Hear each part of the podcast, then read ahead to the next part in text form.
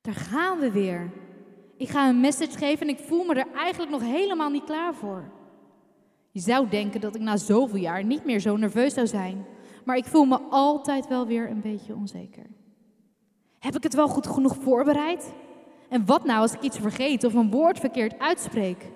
Kom op, Heaven. Je weet dat Gods woord krachtig is, maar toch voel ik me soms zo zwak. Je kunt dit. De Heilige Geest die leidt mij, ondanks de twijfels en onzekerheden die ik soms voel. Oké, Evan, kop op, lach, niet klagen, let's roll. Ik ben benieuwd. Wie heeft ook een voortdurende oorlog in zijn of haar gedachten? En misschien is het bij jou anders of niet, maar ik herken het bij mezelf dat ik vaak in een strijd zit, in een gevecht zit in mijn geest tussen gedachten van geloof en gedachten van angst en onzekerheid.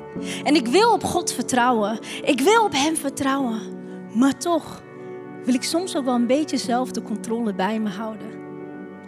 En gedachten die zijn zo sterk, waar ze je naartoe leiden. En we gaan ontdekken hoe wij de gedachten, de negatieve gedachten kunnen winnen. En misschien ken je dat wel, dat je ergens binnenkomt vol vertrouwen, vol overtuiging. Ja, God is met me en Hij is voor mij en ik kan dit. En het andere moment heb je deze verlammende onzekerheid in jou. En wat ik ontdekte is dat er een gevecht gaande is in onze gedachten. En wellicht herken je dat wel van jezelf. En dat is ook meteen het eerste punt van vandaag. De meeste gevechten in het leven die worden ofwel gewonnen ofwel verloren in onze gedachten. En hoe meer je de Bijbel bestudeert en ook hoe meer je de wetenschap bestudeert en leest, dan ontdek je dat de meeste veldslagen van het leven die worden gewonnen of verloren in onze gedachten. Dus gedachten zijn zo powerful. Maar gelukkig, gelukkig is er goed nieuws. Wie is er klaar voor goed nieuws? Eerste rij is er klaar voor goed nieuws en waarschijnlijk daarachter ook. En het goede nieuws is dat Gods woord is zo krachtig, die is zo powerful, dat Hij, Hij overwint al die negatieve gedachten die door je hoofd heen gaan. Hij die helpt jou, maar bovenal, hij helpt je om jouw gedachten te transformeren. Om ze weer opnieuw te vernieuwen. Zodat je sterke, gezonde en krachtige gedachten hebt. Die gevuld zijn met waarheid. Niet met leugens, maar met waarheid.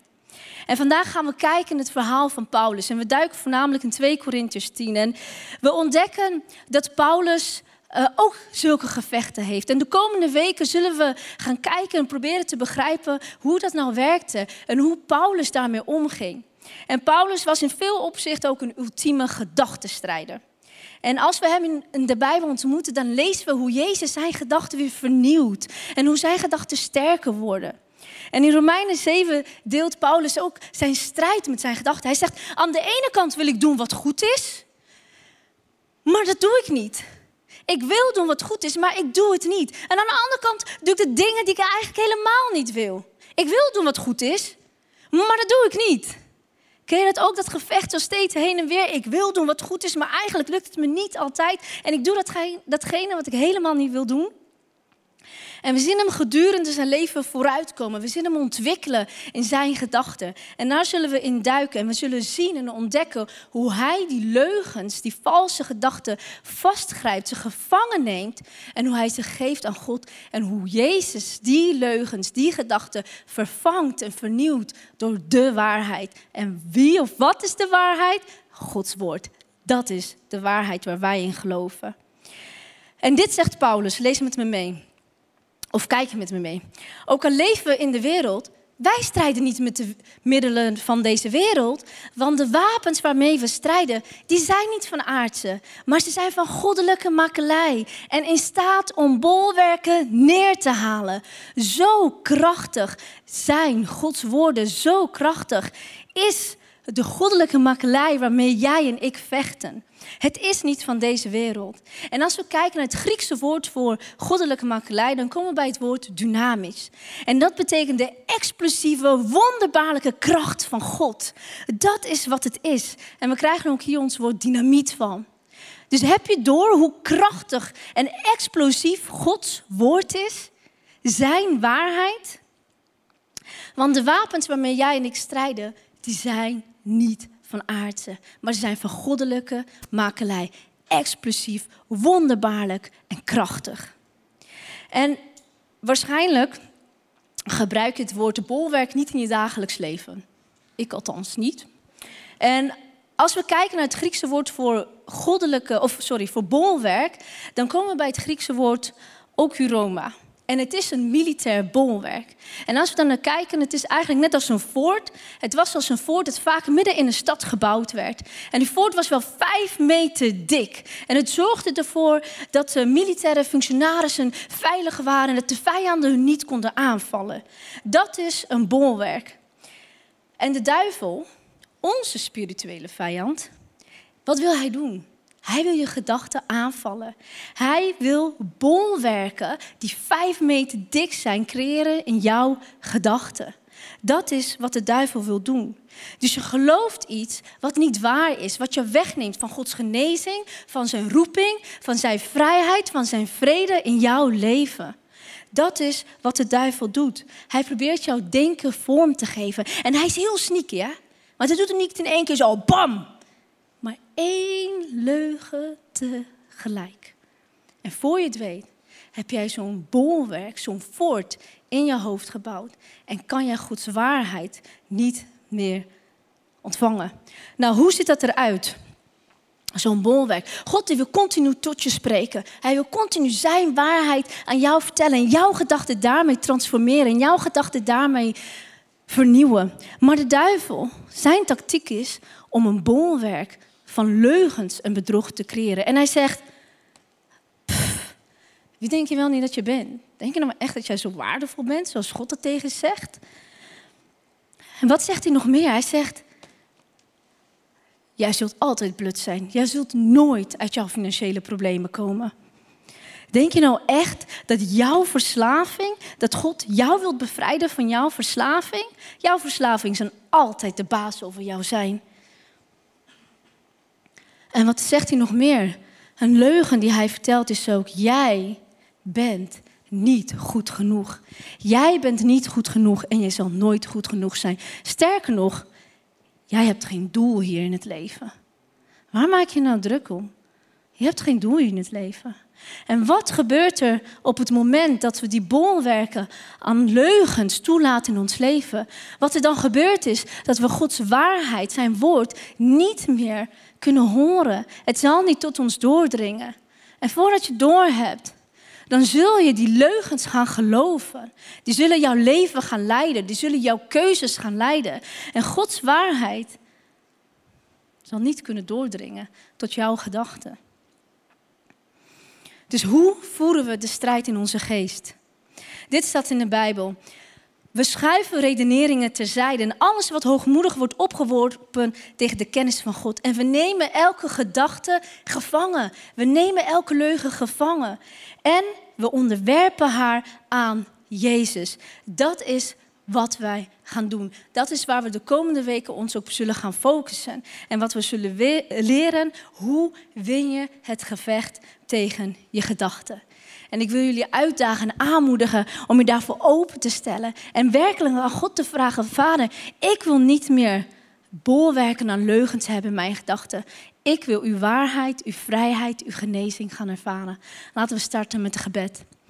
Vader, dank u wel voor wie u bent. Dank u wel dat uw woord is explosief en wonderbaarlijk krachtig. Dank u wel dat uw woord binnen handbereik is. Het is zo dicht bij mij. En vader, we bidden voor de komende tijd, voor de komende weken, dat wij in staat zullen zijn om die leugens, die negatieve gedachten, om ze vast te grijpen, gevangen te nemen en het aan u te geven. Wetend dat uw woord is waarheid, uw woord is krachtig, uw autoriteit. Er is niks zo groter dan dat. En wij geloven, wij geloven dat u de waarheid in onze gedachten zult brengen. We geloven dat u waarheid, genezing en vrijheid en vrede zal brengen in onze gedachten en in ons leven. In Jezus' naam. Amen. Amen. Amen. Winning the war inside your mind. Ik weet al een aantal maanden dat deze serie eraan komt. En ik zit me er al een aantal maanden op te verheugen. Want ik vind het zo'n lekkere, geweldige serie. Ik hou van dit soort topics. Waar je echt gaat kijken, niet alleen naar de Bijbel, maar de wetenschap ernaast. En hoe werkt het allemaal in je lichaam? En hoe heeft God dat zo perfect en prachtig gemaakt? En ik werk naast bouwen van kerk als intensive care verpleegkundige. En als, totdat je daar bent, ben je zo'n zo'n zes jaar opleiding verder. En je duikt in de anatomie en de fysiologie. En de laatste jaren ben je vooral bezig met ziekte als het misgaat in het lichaam. Maar in het begin van de opleiding ben je vooral aan het kijken van hoe heeft, hoe, hoe, hoe heeft dat nou gemaakt? Hoe hoort het te werken? Je moet eerst begrijpen hoe het hoort te werken. En ik kon alleen maar daarnaar kijken van wauw, heeft God dat zo gemaakt? Wauw, heeft God dat zo gemaakt? Wauw, heeft God dat zo gemaakt? Dat ergens in die spons in je in je hoofd van ongeveer anderhalve kilo. Als ik op de weegschaal ga staan, dan doe ik al die anderhalf kilo trek ik af. Die hoort daar te zijn, die telt niet mee. Ergens in die spons van anderhalve kilo, daarin zitten 100 biljoen neuronen die met elkaar samenwerken. Dat is evenveel als sterren in ons heelal. Dat zit allemaal in jouw koppie. En iedere seconde vindt daar een verplaatsing van 500 triljoen. Dat zijn 18 nullen. 500 triljoen chemische verplaatsingen vinden daar plaats. Iedere seconde met 420 km per uur chase dat door je hoofd. Als ik daarover nadenk, dan ben ik blown away dat God dat zo heeft gemaakt. En dan kan hij daar alleen maar iets fantastisch mee van plan zijn. Laten we de komende weken gaan ontdekken hoe we daar het beste uit kunnen halen. Want onze gedachten zijn sterk. Het bepaalt ons perspectief, het bepaalt ons handelen, het bepaalt onze gewoontes. En het kan ons op hele positieve plekken brengen. Maar het heeft me ook vaak genoeg op hele negatieve plekken gebracht. En hoe kunnen we ervoor zorgen dat we die gedachten gevangen nemen? Dat we het gevangen nemen en daar de waarheid, Gods waarheid, over uitspreken.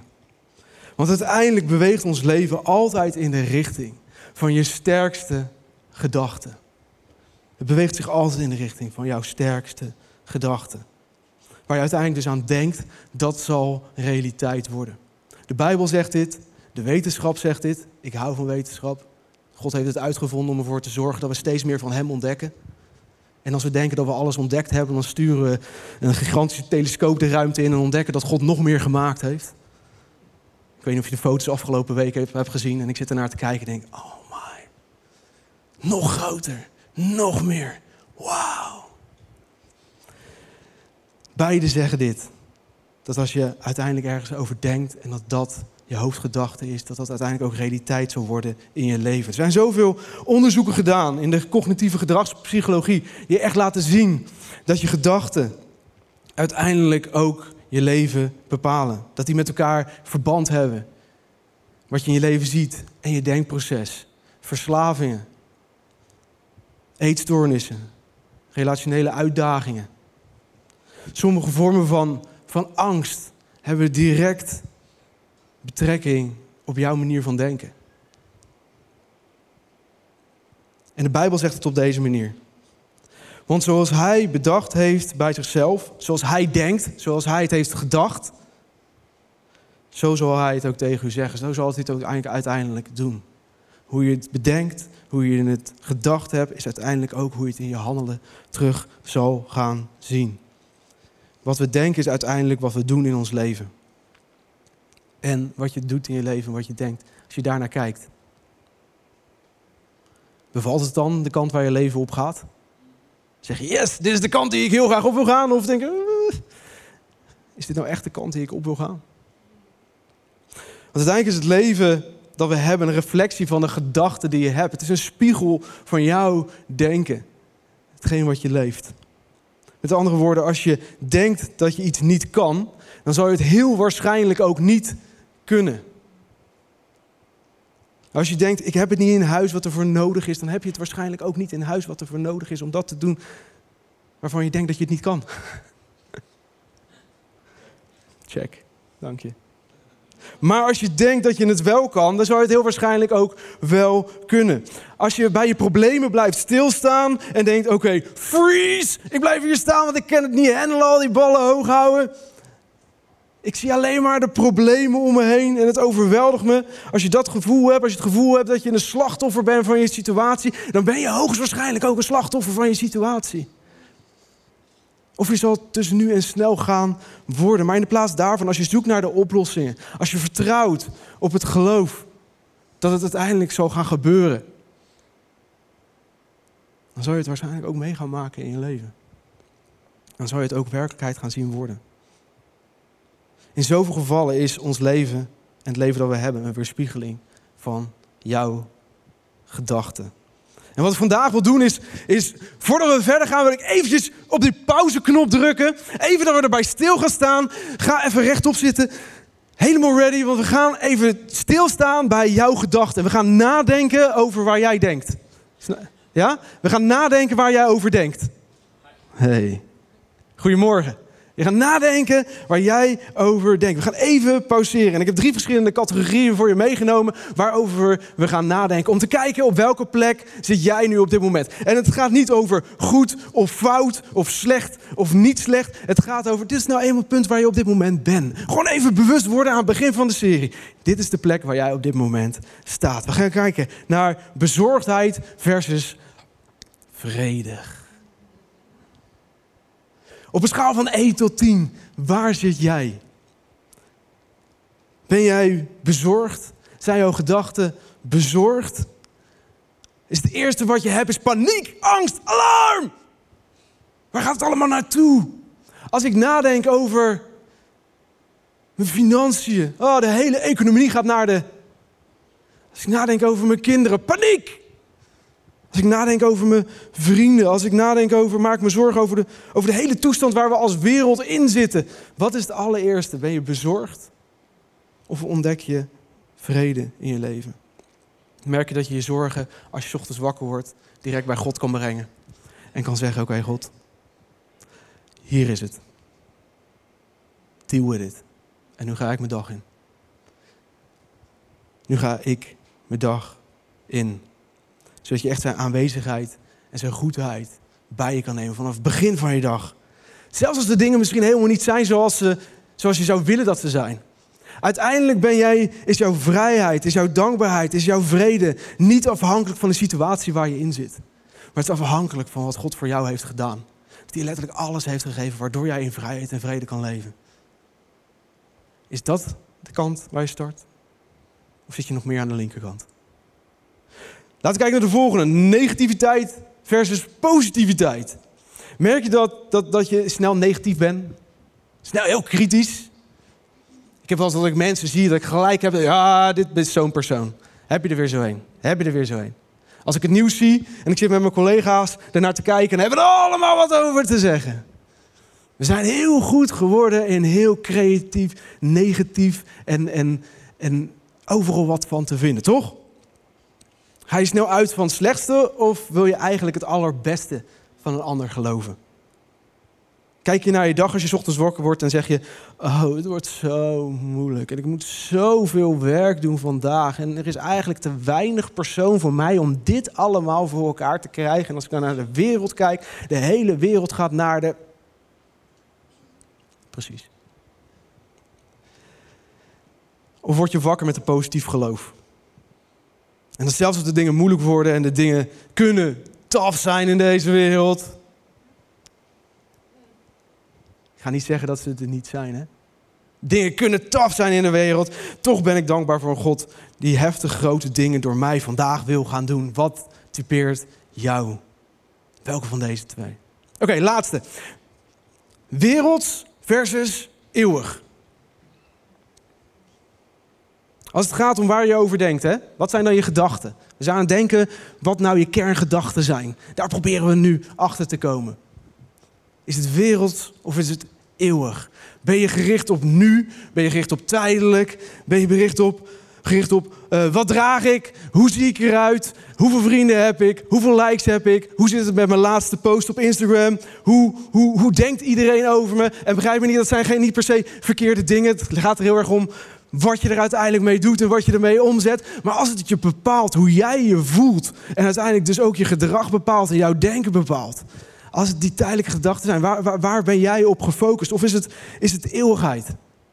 Ben je gefocust op wat God door jou vandaag heen wil doen? Ben je gefocust op de gaven en de talenten en de potentie dat hij in jou heeft gestopt, zodat jij kan doen wat alleen jij kan doen in deze wereld, om de mensen om jou heen echt een heftige impact te maken? Aan welke kant zit jij? En opnieuw, er is geen goed of fout, maar het is om bewust te worden op welke plek je nu staat. En eigenlijk zou je over vier weken naar het laatste topic nog eens een keer daarnaar moeten gaan kijken en ontdekken wat het met je gedaan heeft en waar God je heeft gebracht de afgelopen weken. Dit is awesome.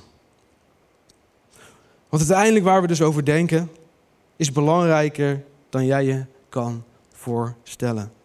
Wat er in je gedachten gebeurt, komt uiteindelijk naar buiten in je leven.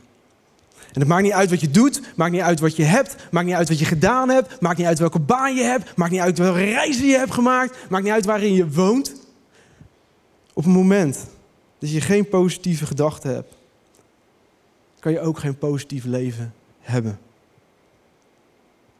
Je kan alleen een positief leven hebben als je ook echt positieve gedachten hebt. Heb jij positieve gedachten, Heaven? Ja, zeker. Ja, gaat het goed? Op dit moment wel, ja. Hit it. Als ik naar mijn werk moet, dan weet ik niet. Maar uh, op dit moment wel. En het klopt inderdaad. Je kunt geen positief leven hebben als je negatieve gedachten hebt. Waarom? En waarom is het zo belangrijk? Omdat jouw leven gaat die richting op waar jouw sterkste gedachten jou naartoe leiden. Dat is best wel logisch, toch? Zo gaat het. En, als je, oh ja, en dit is de vraag die, die je jezelf mag afstellen. Als je leven altijd in de richting van je sterkste gedachten gaat, ben je dan enthousiast over de richting waarop jouw leven op dit moment opgaat? Denk daar maar even over na. Want als jouw gedachten jouw leven sturen en je specifiek naar die gedachten kijkt, ben je daar tevreden over? Kan je daar enthousiast over zijn? Kan je zeggen, ja, mijn leven gaat die kant op waar God mij ook wilt hebben? Of denk je van, nou eigenlijk, de gedachten die ik op dit moment heb, zijn eigenlijk helemaal niet zo positief. En ze leiden mij niet de kant op waar mij God mij wilt hebben. En als het antwoord nee is, dan is dit ook echt het moment om God uit te nodigen. Om te zeggen, God, Vader, kom en vul mijn gedachten met uw waarheid. Grijp deze leugens die ik in mijn hoofd heb, die ik in mijn gedachten heb. En vervang ze, vernieuw ze, transformeer ze met uw waarheid. Want op dat moment zul je ook zien dat jouw leven een heel andere richting op zal gaan. Een gezonde richting. En eentje met heel veel vrijheid en vrede.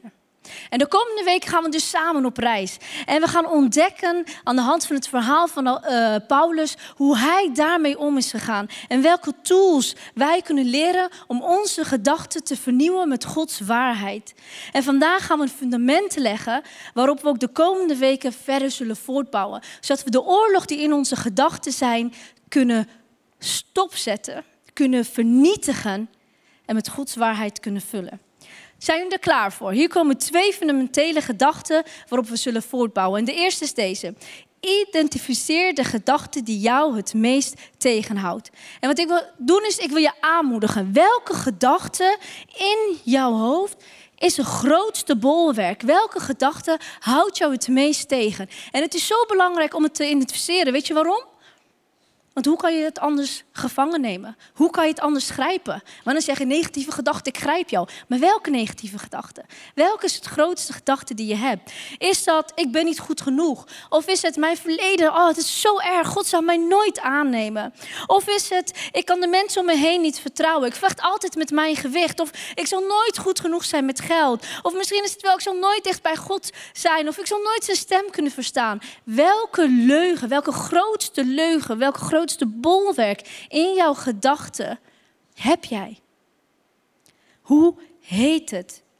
Want als jij jouw grootste bolwerk identificeert, dan kan je gerichter mee aan de slag gaan. En dan kan je er tegen vechten. En het is zo belangrijk eh, om te weten dat je negatieve gedachten, die kunnen de chemische samenstelling van je hersenen veranderen. Dus er gebeurt ook echt wat in die hersenpan van jou.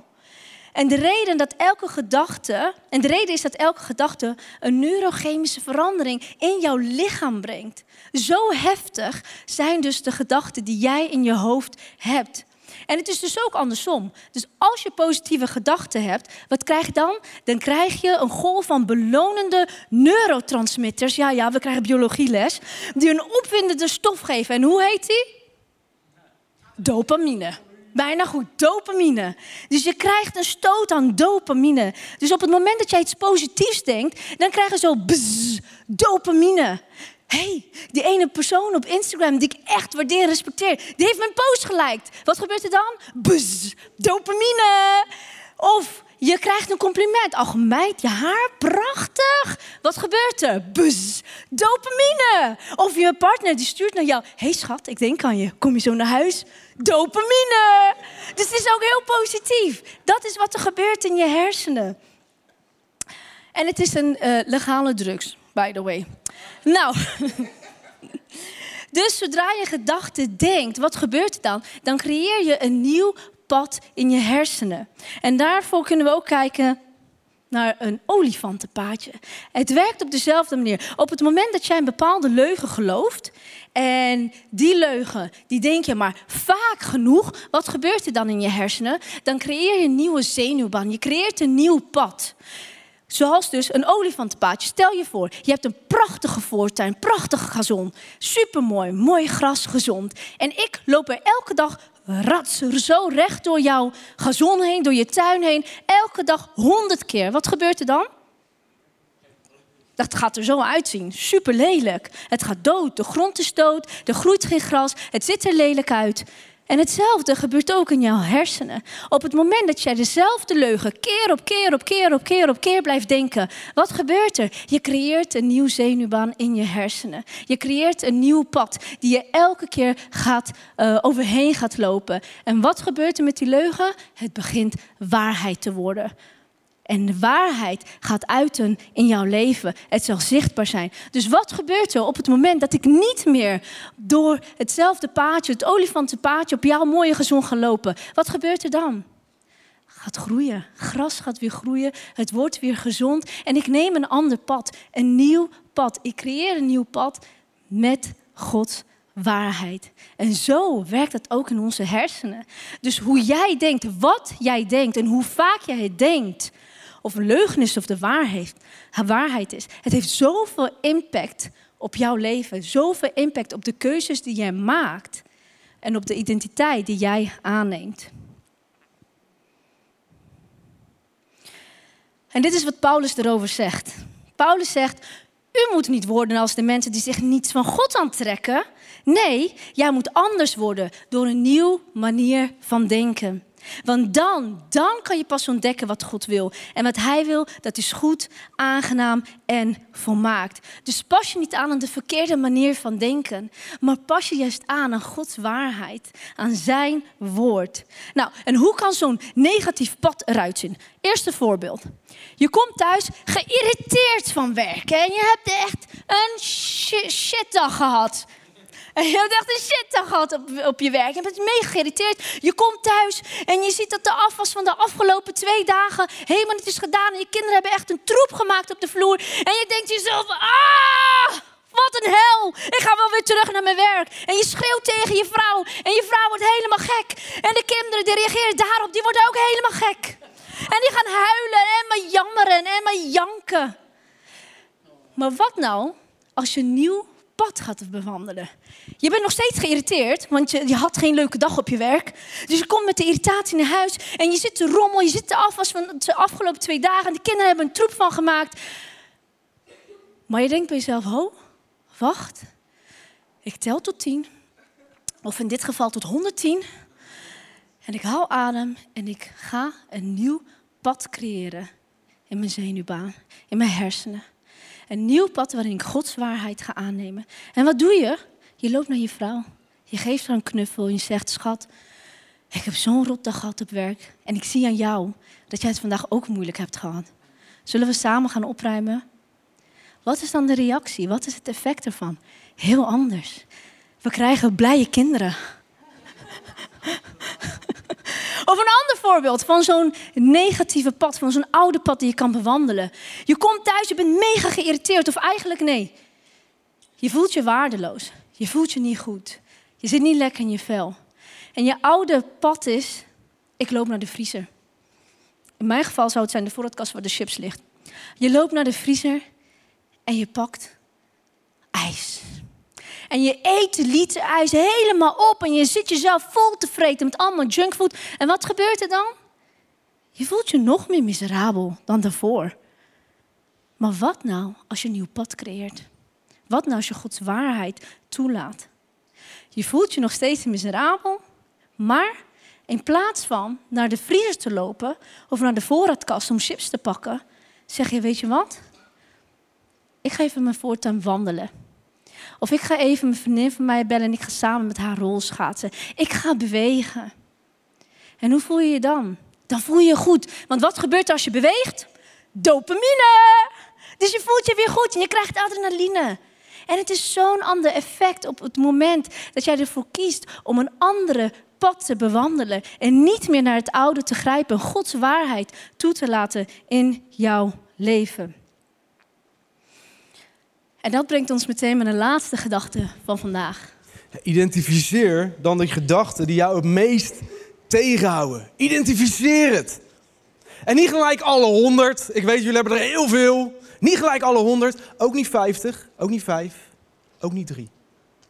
Eén. Begin met één.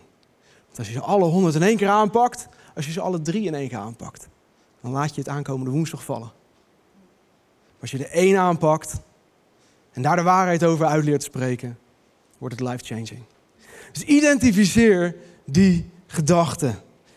Identificeer het.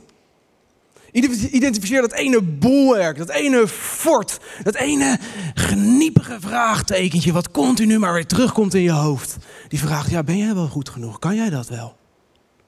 Identificeer het. Geef het een naam. Weet waar het vandaan komt. En dan komt de tweede, tweede stap. Spreek de waarheid erover uit. Spreek de waarheid over dit bolwerk uit, zodat het kan worden vernietigd. En waar vind je die waarheid? Woord van God. Hij heeft een fantastisch boek gegeven. Vol met zijn waarheden. Meer dan 365 beloften staan erin waar je iedere dag als je opstaat bovenop kan gaan staan en je dag mee kan gaan beginnen. Voor iedere dag heen. Vol met waarheden die hij uitspreekt over jou. Spreek die waarheden uit. Identificeer dat probleem. Lezen in de Bijbel, dan zult u de waarheid kennen en door de waarheid bevrijd worden. De waarheid niet alleen kennen, maar er ook echt door bevrijd worden. Hoe zou dat voelen? Als die gedachte die je gevangen neemt, als je daarvan bevrijd kan worden. Een gedachte die je eerst gevangen hield, maakt je met Gods waarheid vrij. En sommigen van ons leven misschien in een leven gebaseerd op gedachten die niet waar zijn. Leugens noemen we dat, als iets niet waar is, toch? Ja. Maar als je de waarheid kent, zal die je echt vrij maken. Dus benoem die waarheid. En benoem die waarheid over die leugen. Die hem echt met de grond gelijk kan maken. En ik moet dan denken aan het moment dat ik een jaar of zes was. En het was de allereerste Sinterklaas die ik me eigenlijk herinner in mijn herinneringen. Het is heel lang geleden. Het is daarom ook een oude foto. Fotostel was net uitgevonden, zoals je ziet. En ik was Sinterklaas natuurlijk. Ik was de jongste thuis, maar ik had zeker de leiding. Laten we daar uh, geen punt van maken. Het was de eerste Sinterklaas die ik onthouden heb. Het was een geweldige Sinterklaasavond. Ik herinner me, ik had mijn eerste surprise gemaakt voor mijn broer. En alle cadeautjes waren uitgepakt, maar ik had drie grote broers. En die vonden het geweldig om mij in een zak te stoppen. Dus dat begon met een spel. En ik werd in die zak gestopt en ik werd opgetild. En de voordeur ging open en het was december. Dus het was koud en het was donker. En ik, voor mijn idee werd ik drie blokken verderop pas weer gedropt. Achteraf scheen het bij het huis van de buren te zijn. En ze zeiden, de zak zit dicht en je wordt opgehaald en wij gaan weg, doei. En ze gingen weg. En daar zat ik. Zesjarig ventje in een Sinterklaaszak. Opgekruld, want het was donker en het was koud. En ik kon er niet uit. Ik zat daar alleen. En ik werd bang. Ik werd verdrietig. Ergens ging mijn Sinterklaasfantasie nog op hol. Zou ik naar Spanje gaan? Mijn hele, alles nam het van me over. Totdat twee uur later, eh, waarschijnlijk twee minuten, maar ze voelden twee uur later ze terugkwamen. Ze de zak open deden. Hij zat helemaal niet dicht. Ik kon er zo uitstappen. Dat was helemaal geen probleem. Ik had er zo uit kunnen stappen en naar de voordeur kunnen lopen. Het was tegenover ons huis de buren. Ik had er zo uit kunnen stappen. De zak was open. De deur was open. Zo vaak is het met onze gedachten precies zo. Zitten we gevangen, denken we. Maar staat de deur wagenwijd open, maar zitten we gevangen in onze gedachten. Terwijl de deur wagenwijd open staat. We lezen dit in de Bijbel. Paulus zegt dit erover. Met deze wapens zijn alle argumenten, alle argumenten, niet een paar, niet degene die jou bevallen, niet degene die jou niet bevallen, alle argumenten waarmee men zich tegen God verzet, te ontzenuwen. Alle barrières tegen God en de mensen worden daardoor omvergehaald. Ze worden omvergehaald. Omvergeblazen, opgeblazen met dynamiet, net zoals je net zag met die gebouwen. Het wordt omvergehaald. Met deze wapens breek ik elke opstand van menselijk denken. Van ons, wat er in die pan van je gebeurt van menselijk denken. Om die terug te brengen waar tot gehoorzaamheid aan Christus bij de waarheid. Dat is waar ik mijn denken wil brengen. Dat is waar mijn denken aan moet gehoorzamen. Aan de waarheid van mijn fantastische Jezus, van mijn fantastische God. Dus wat je gedachte ook is, wat je ook gevangen houdt, wat doen we daarmee? We blazen het omver. We slopen het. We halen het onderuit. We slopen en ontzenuwen elke gedachte die zich tegen de kennis van onze God opstelt. En dat is wat we doen. We nemen het gevangen. We zijn geen gevangenen van onze gedachten. We nemen onze gedachten juist gevangen. Wat het ook is. Wat het ook is. Alle argumenten. De Griekse term voor gevangen nemen. Weet je wat dat betekent? Ik hou hiervan. De Griekse term voor gevangen nemen betekent aanvallen.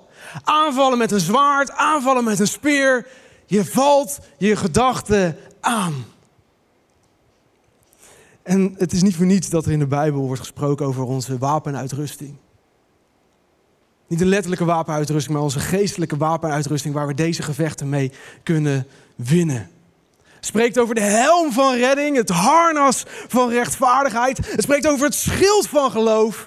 Het spreekt over de riem van waarheid en de schoenen van bereidheid om daar naartoe te gaan waar God jou wil hebben om te doen waar jij voor bent gemaakt, waar jij alleen een impact mee kan maken. Het heeft hij jou gegeven. En het zijn allemaal verdedigingswapens. Maar hij heeft je één wapen gegeven om mee aan te vallen.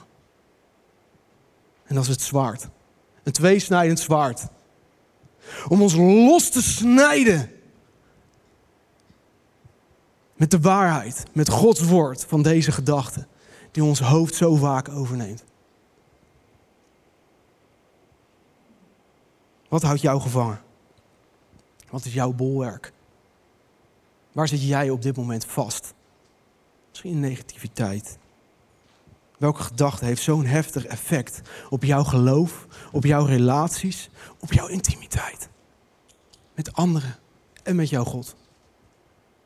Welke gedachten houden jou gevangen?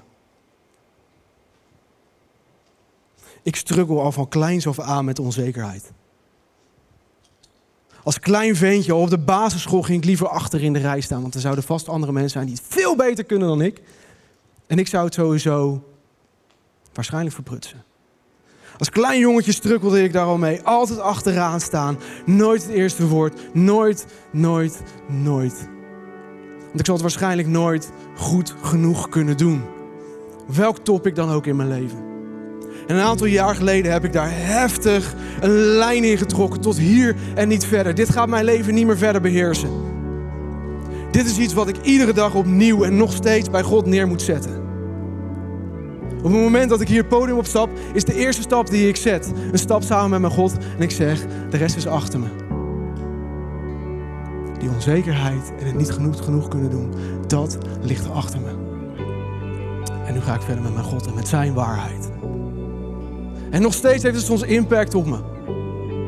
Want ja, ik wil het goed doen in mijn kerk in Amsterdam. Ik wil het goed doen voor mijn gezin. Ik wil het goed doen voor mijn vrouw. Ik wil dat mijn kind uiteindelijk de vrouw wordt zoals God er gemaakt heeft. Ik wil het goed doen bij mijn vrienden. Ik wil het goed doen in mijn financiën. Maar als ik me daarop focus, kan ik me niet meer daarop focussen. Ik kan het simpelweg niet allemaal goed doen. En ergens zit er altijd in een leugen een klein beetje waarheid. Dat ervoor zorgt dat je het ook daadwerkelijk gaat geloven.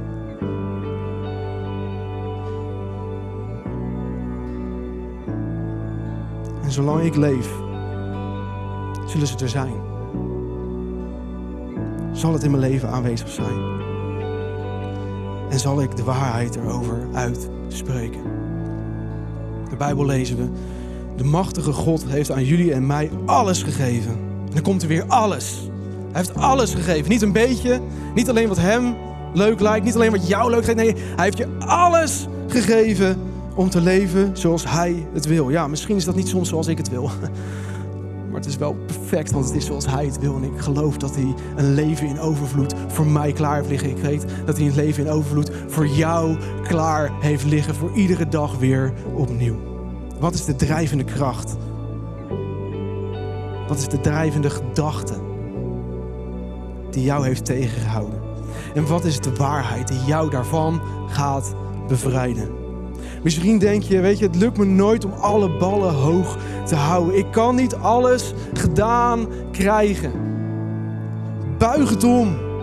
Ik kan alle dingen door mijn fantastische God. En juist in mijn zwakheid zal Hij zijn kracht laten zien. Hij zal daar doorheen werken.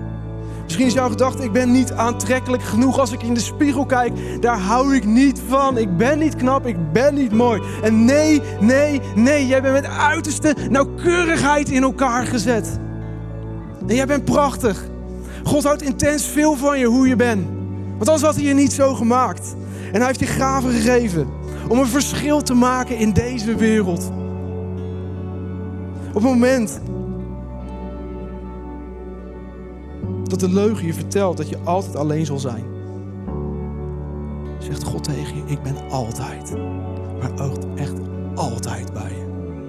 Zelfs op het moment dat jij denkt dat ik er niet ben, zit ik naast je. Dit zijn waarheden en beloftes waar hij zijn Bijbel vol mee heeft staan, die hij voor jou klaar hebt liggen. Oh, maar jij bent waarschijnlijk een slachtoffer, of niet? Altijd de slachtoffer van de situatie. Nee, nee, nee, nee, nee. God zegt, jij bent een overwinnaar. Door mijn kracht heen ben jij de overwinnaar. Ik ben het niet eens met wie mijn gedachten zegt dat ik ben. Ik ben niet wie anderen zeggen dat ik ben. Ik ben niet wie mijn gedachten wie zegt wie ik ben. Ik ben wie mijn God zegt dat ik ben. Dat is wie ik ben en dat is waar ik op sta. En hij zegt, jij bent mijn zoon. Jij bent mijn dochter en ik hou intens veel van je. En ook laat me wat vertellen over Gods liefde voor jou. Hij houdt zo intens veel van jou. Dat er niks is wat je ooit in je leven hebt gedaan wat daar iets aan kan veranderen. Hoe heftig je je misschien ook voor schaamt. Er is niks wat daar iets aan kan veranderen. Hoe goed jij het ook probeert te doen. Er zal nooit wat zijn waardoor je het nog beter kan doen. Dat hij nog meer van je gaat houden. Want hij houdt intens veel van je. Hij houdt zelfs zoveel van je dat hij hier naartoe is gekomen om op deze wereld te leven. Een heftige relatie met jou te hebben te sterven aan een kruis. Op te staan uit de dood. Voor zijn plaats de Heilige Geest te geven, waardoor we hem iedere dag kunnen ervaren. En hij echt daadwerkelijk iedere dag zo intens dichtbij je kan zijn. Dat is hoeveel hij van je houdt. Dat is de waarheid. En dat is de waarheid die jij iedere dag over jouw gedachten uit gaat spreken. Je gedachte gaat op zoveel manieren in de richting van je sterkste gedachten. En je kunt geen positief leven leven. Je kan niet met geloof gevuld leven leven. Als je gedachten negatief zijn. Dus wat gaan we doen? We gaan onze gedachten gevangen nemen. En we gaan ze vervangen voor Gods waarheden. En de waarheid is niet alleen een concept.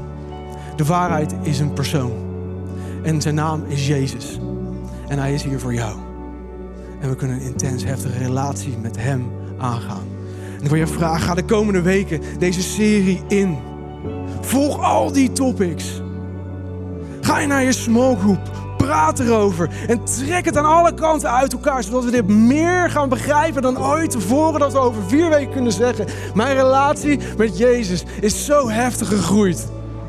En ik heb afscheid genomen van gedachten. Er zijn nieuwe paden in mijn hersenen aangelegd. Nieuwe snelwegen. Met positieve waarheden. Van waaruit ik nu leef. Laten we gaan staan en laten we daarvoor gaan bidden. Dat dat de komende week bij jou, bij mij bij iedereen die hier binnenkomt lopen, zal gebeuren. Vader, dank u wel hoe wonderbaarlijk mooi u ons heeft gemaakt. Als we er alleen al over nadenken wat er in onze hersenen allemaal gebeurt, dan kunnen we het eigenlijk niet begrijpen, kunnen we het niet bevatten. Maar u heeft het goddelijk gemaakt, met een goddelijk plan, om ervoor te zorgen dat we iedere dag een stapje dichter naar u toe kunnen komen.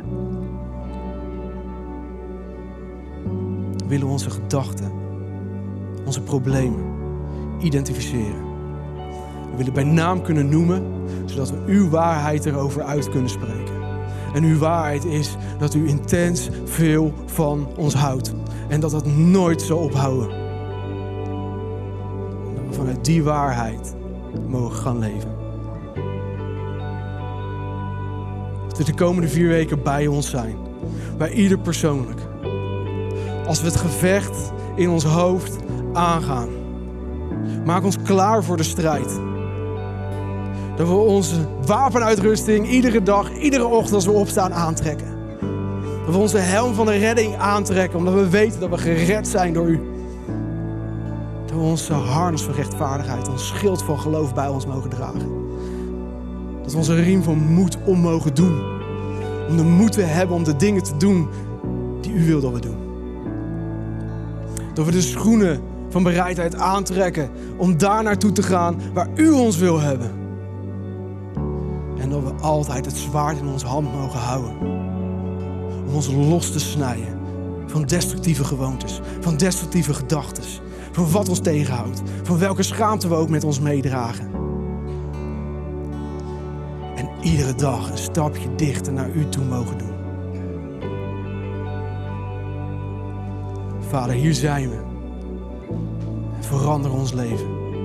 In Jezus' naam. Amen.